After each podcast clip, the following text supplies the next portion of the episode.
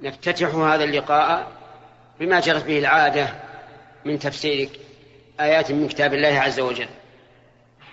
قال الله تعالى ألم تعلم أن الله يعلم ما في السماء وال... ألم تعلم؟ ألم ترى أن الله يعلم ما في السماوات وما في الأرض؟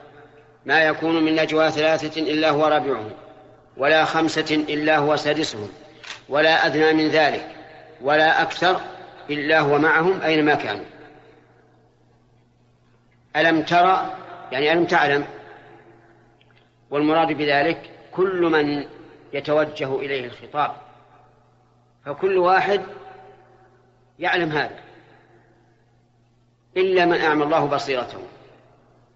والهمزة هنا للتقرير وهكذا كلما وجدت همزة الاستفهام داخلة على لم فهي للتقرير. مثاله ألم نشرح لك صدرك؟ المعنى قد شرحنا لك صدرك. ألم ألم ترى أن الله المعنى المعنى قد رأيت أن الله. يعلم ما في السماء والأرض من صغير وكبير. يعلم ذلك قبل وقوعه عز وجل. ويعلم ذلك بعد وقوعه. فلا يضل الله ولا ينسى سبحانه وتعالى. واعلم أيها الأخ المسلم أن الله تعالى قد علم كل شيء جملة وتفصيلا. قبل أن يكون. علم متى يكون وأين يكون وكيف يكون. ثم كتب في اللوح المحفوظ وهو لوح عظيم واسع كتب فيه مقادير كل شيء إلى قيام الساعة. انتبه يا أخي الإيمان بالقدر. لما خلق الله القلم قال له اكتب. قال ربي وماذا أكتب؟ قال اكتب ما هو كائن إلى يوم القيامة فجرى في تلك الساعة بما هو كائن إلى يوم القيامة. فما كتب على الإنسان فلا يخطئه. وما لم يكتب عليه لم يصبه. جفت الأقلام وطويت الصحف. إذا آمنت بهذا اطمأننت واستقررت ولم تندم على فائت ولا تحزن على مستقبل لأن الإنسان إذا آمن بالقدر اطمأن ولا حياة سعيدة إلا بالإيمان بالقدر لو أن إنسانا سافر وأصابه حادث وكان مؤمنا تمام الإيمان بالقدر ماذا يصنع؟ يقول هذا قدر الله فيرضى ويسلم ويقول إنا لله وإنا إليه راجعون فيطمئن وينشرح صدره. إذا أصيب بمرض يعلم أن هذا مكتوب عليه. ثم إذا ذكر الأجر هان عليه. لأن الأمراض والآلام في الدنيا مآلها إيش؟ إلى الزوال والأجر بقى. ولهذا قالت بعض النساء بعض النساء العارفات لما أصيب إصبعها ولم تحزن ولم تتحدث بشيء. قيل لها في هذا قالت إن حلاوة أجرها أنستني مرارة صبرها. الإيمان. كتب الله عز وجل في اللوح المحفوظ ما هو كائن إلى يوم القيامة. ثم هذا الذي يكون أيكون بمشيئة الله أم بغير مشيئة الله؟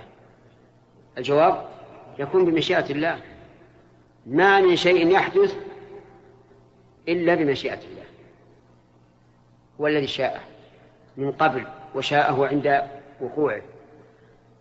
ثم هذا اللي هذا الذي حصل. مخلوق لله عز وجل. كل شيء مخلوق لله. حتى حركات الإنسان مخلوقة لله.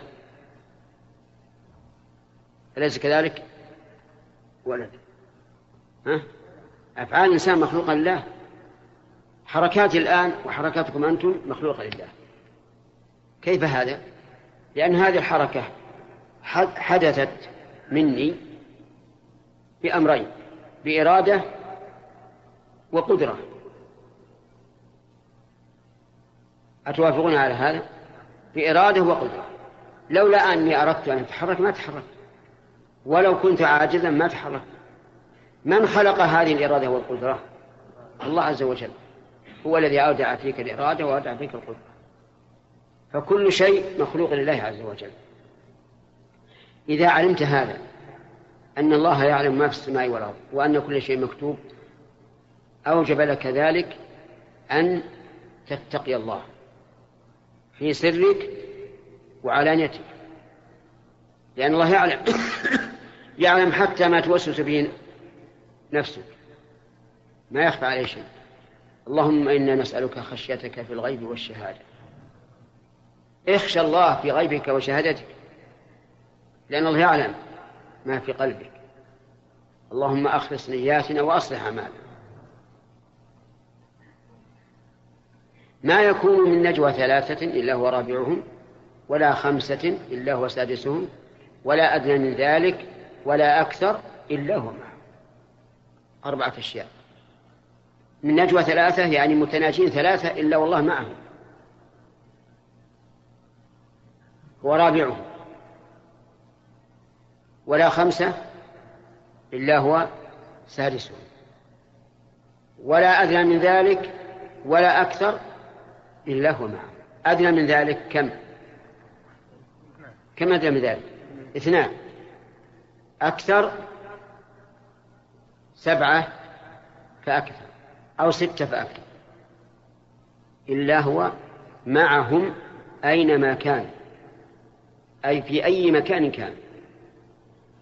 والمعية هنا ليست معية الحلول بمعنى أن الله حال في أماكننا معنا هذا لا ليس كذلك. والسلف ما فهموا من هذا الفهم؟ ولا يمكن لإنسان يقدر الله حق قدره أن يتوهم هذا المعنى الباطل. واضح؟ قولوا نعم ولا لا؟ واضح. ليس الله معنا في المكان هنا؟ لا. فيكون معنا إلا هو معهم يعني عالم بهم محيط بهم سميع لأقوالهم بصير بأفعالهم له السلطة عليهم. هذا معنى وليس المعنى أنه في الأماكن التي نحن فيها. كلا والله. من زعم ذلك فقد أساء الظن بالله أكبر إساءة. نسأل الله العافية. لأنه يلزم على على هذا الفهم الباطل الفاسد المنكر يلزم عليه إما أن يكون الله واحدا متجزئا بعضه هنا وبعضه هناك وإما أن يكون متعددا بتعدد إيش؟ الأمكنة يعني هناس هنا وناس في المسجد وناس في السوق وناس في الجو وناس في البحر هل الله متجزئ؟ هل الله متعدد؟ لا والله يلزم من ذلك لزوم أخبث أنك إذا كنت في الحمام في المرحاض كان الله معك في نفس المكان. أحد يقول هذا؟ والله ما يقوله إلا إنسان ما يعرف الله عز وجل. ولا يقدر حق قدره. يا سبحان الله كيف تتصور أن ربك العلي الأعلى يكون معك في المرحاض؟ نسأل الله العافية. لا يتصوره إنسان هذا. أبدا. إلا شخص متنقص لله عز وجل؟ أعظم تنقص. إذن كيف نخرج قوله إلا هو معهم نخرج هذا على أن المعية لا تستلزم إيش؟ الحلول. ما تستلزم الحلول أن يكون حالا في المكان. العرب يقولون ما زلنا نسير والقمر معنا. وأين مكانه؟ في السماء يقول ما زلنا نسير وسهيل معنا. وسهيل في السماء. هذا وهي مخلوقات صغيرة في جنب الله عز وجل. ومع ذلك تكون مع الإنسان وهي فوق. إذن الله معنا وهو فوق كل شيء. لا يخفى عليه شيء من أعمالنا يجب أن تعتقد هذا الاعتقاد. فإن مت على العقيدة الأولى أن الله معك في المكان فلا أدري أتموت كافرا أم مؤمنا. لأن هذا تنقص الله تعالى غاية التنقص. طيب إلا هو معهم أينما كانوا ثم ينبئهم بما عملوا يوم القيامة. ينبئهم يعني يخبرهم بما عملوا ويقررهم به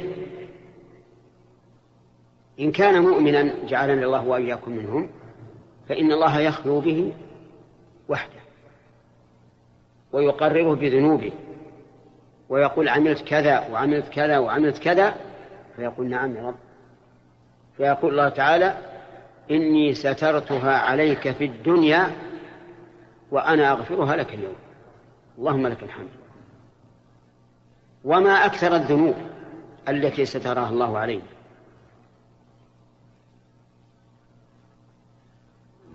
ما أكثر الذنوب التي عملناها وسترها الله؟ ولو شاء الله لكشفها وبينها وأظهرها على فلتات اللسان وصفحات الوجوه. كان بنو, إسرائيل إذا أذنب الإنسان منهم ذنبا في البيت أصبح الذنب مكتوبا على ذلك. فضيح وعار. هذه الأمة والحمد لله شمل الله بستر. ولهذا قال النبي صلى الله عليه وسلم كل أمتي معافى إلا المجاهرون. قال من؟ قال المجاهر الذي يعمل الذنب سرا ثم يصبح يتحدث به على الناس. سماه مجاهرا وإن كان فعله خفية لأنه إيش؟ كشفه هو بنفسه. من الناس من يفعل هذا والعياذ بالله تبجحا. خصوصا الذين يسافرون في أيام الإجازات ويزنون هناك ويلوطون ويشربون الخمر يأتون إلى أصحابهم ويقولون والله سفرة أنس فرح فعلوا كذا زنوا ببيت امرأة أو أكثر أو أقل تلوطوا بكذا وكذا من الغلمان. شربوا من الخمر كذا وكذا. هؤلاء مجاهرون والعياذ بالله. نسأل الله العافية. فالله سبحانه وتعالى يخلو بعبده المؤمن يوم القيامة ويقرر بذنوبه ثم يقول سترتها عليك بالدنيا وأنا أغفرها لك اليوم. أما الكافر فإنه لا يحاسب هذه المحاسبة ولا ينظر الله إليه. لكن تحصى أعمالهم وتكشف وينادى على رؤوس الأشهاد. هؤلاء الذين كذبوا على ربهم ألا لعنة الله على الظالمين. ولهذا لم يقل عز وجل ثم يعاقبهم بما عملوا. قال ينبئهم. والإنباء قد يكون فيه مع عقوبة وقد لا يكون. إن الله بكل شيء عليم. اللهم ارزقنا الإيمان بهذا واعصمنا به من الزلل أنت يا أخي إذا آمنت أن الله عليم بكل شيء حتى اللي بقلبك لا بد أن تخشى الله. قال الله عز وجل يستخفون من الناس ولا يستخفون من الله وهو معهم إذ يبيتون ما لا يرضى من القول وكان الله بما يعملون محيطا. احذر احذر احذر أن يعلم الله منك ما يكون مغضبا لله عز وجل. واعلم أن, أن لديك رقيب. ما من إنسان إلا لديه رقيب عتيد. رقيب مراقب وعتيد حاضر. ما يلفظ من قول إلا لديه رقيب عتيد. يكتب كل ما يلفظ. اللهم إنا نسألك العفو والعافية في الدنيا والآخرة. ونسألك أن لا تزيغ قلوبنا بعد إذ هديتنا وأن تهب لنا من رحمة إنك أنت الوهاب. العجيب أن بعض بعض الطوائف انحرفت انحرافا شديدا في مسألة المعية. بعضهم قال إن الله معنا حال في الأمكنة وهذا كما علمت خطير جدا. إذا مات على هذا الحال فلا ندري أمات كافرا أم مسلما حتى وإن كان يصلي. لأنه تنقص الله عز وجل. والعجب أن هؤلاء لو قلت لهم ادعوا الله أين يرفعون أيديهم؟ إلى السماء. يقولون يا الله ما يحلفونها يمينا ولا يسارا ولا أسفل. إلى السماء. فهم بفطرتهم مقرون بأن الله في السماء ولكن بأهوائهم لا يقرون بها. حجتهم يقول لو كان فوق لكان محدودا ولا كان جسما وما أشبه ذلك من من, من إلهامات الشيطان. فنقول لا ما يكون محدود. هو فوق وليس شيء يحده فوق كل شيء. كل شيء تحته ولا شيء, يحده يقول يلزم أن يكون جسما. نقول إن كان يلزم من إثبات ما أثبته الله لنفسه أن يكون جسما فليكن. وإذا لزم أن يكون جسما وهو مما يستلزمه كلام الله ورسوله فليكن. ولكننا نطهر ألسنتنا أن نقول إنه جسم أو أو غير جسم. ما لنا حق نتكلم بهذا. نؤمن بما أخبر الله به عن نفسه وأخبر به عنه رسوله ولا نقدر جسم غير جسم عرض ما, ما نقدر هذا. ليس لنا الحق. لأن الله تعالى بذاته يفارق كل ذات.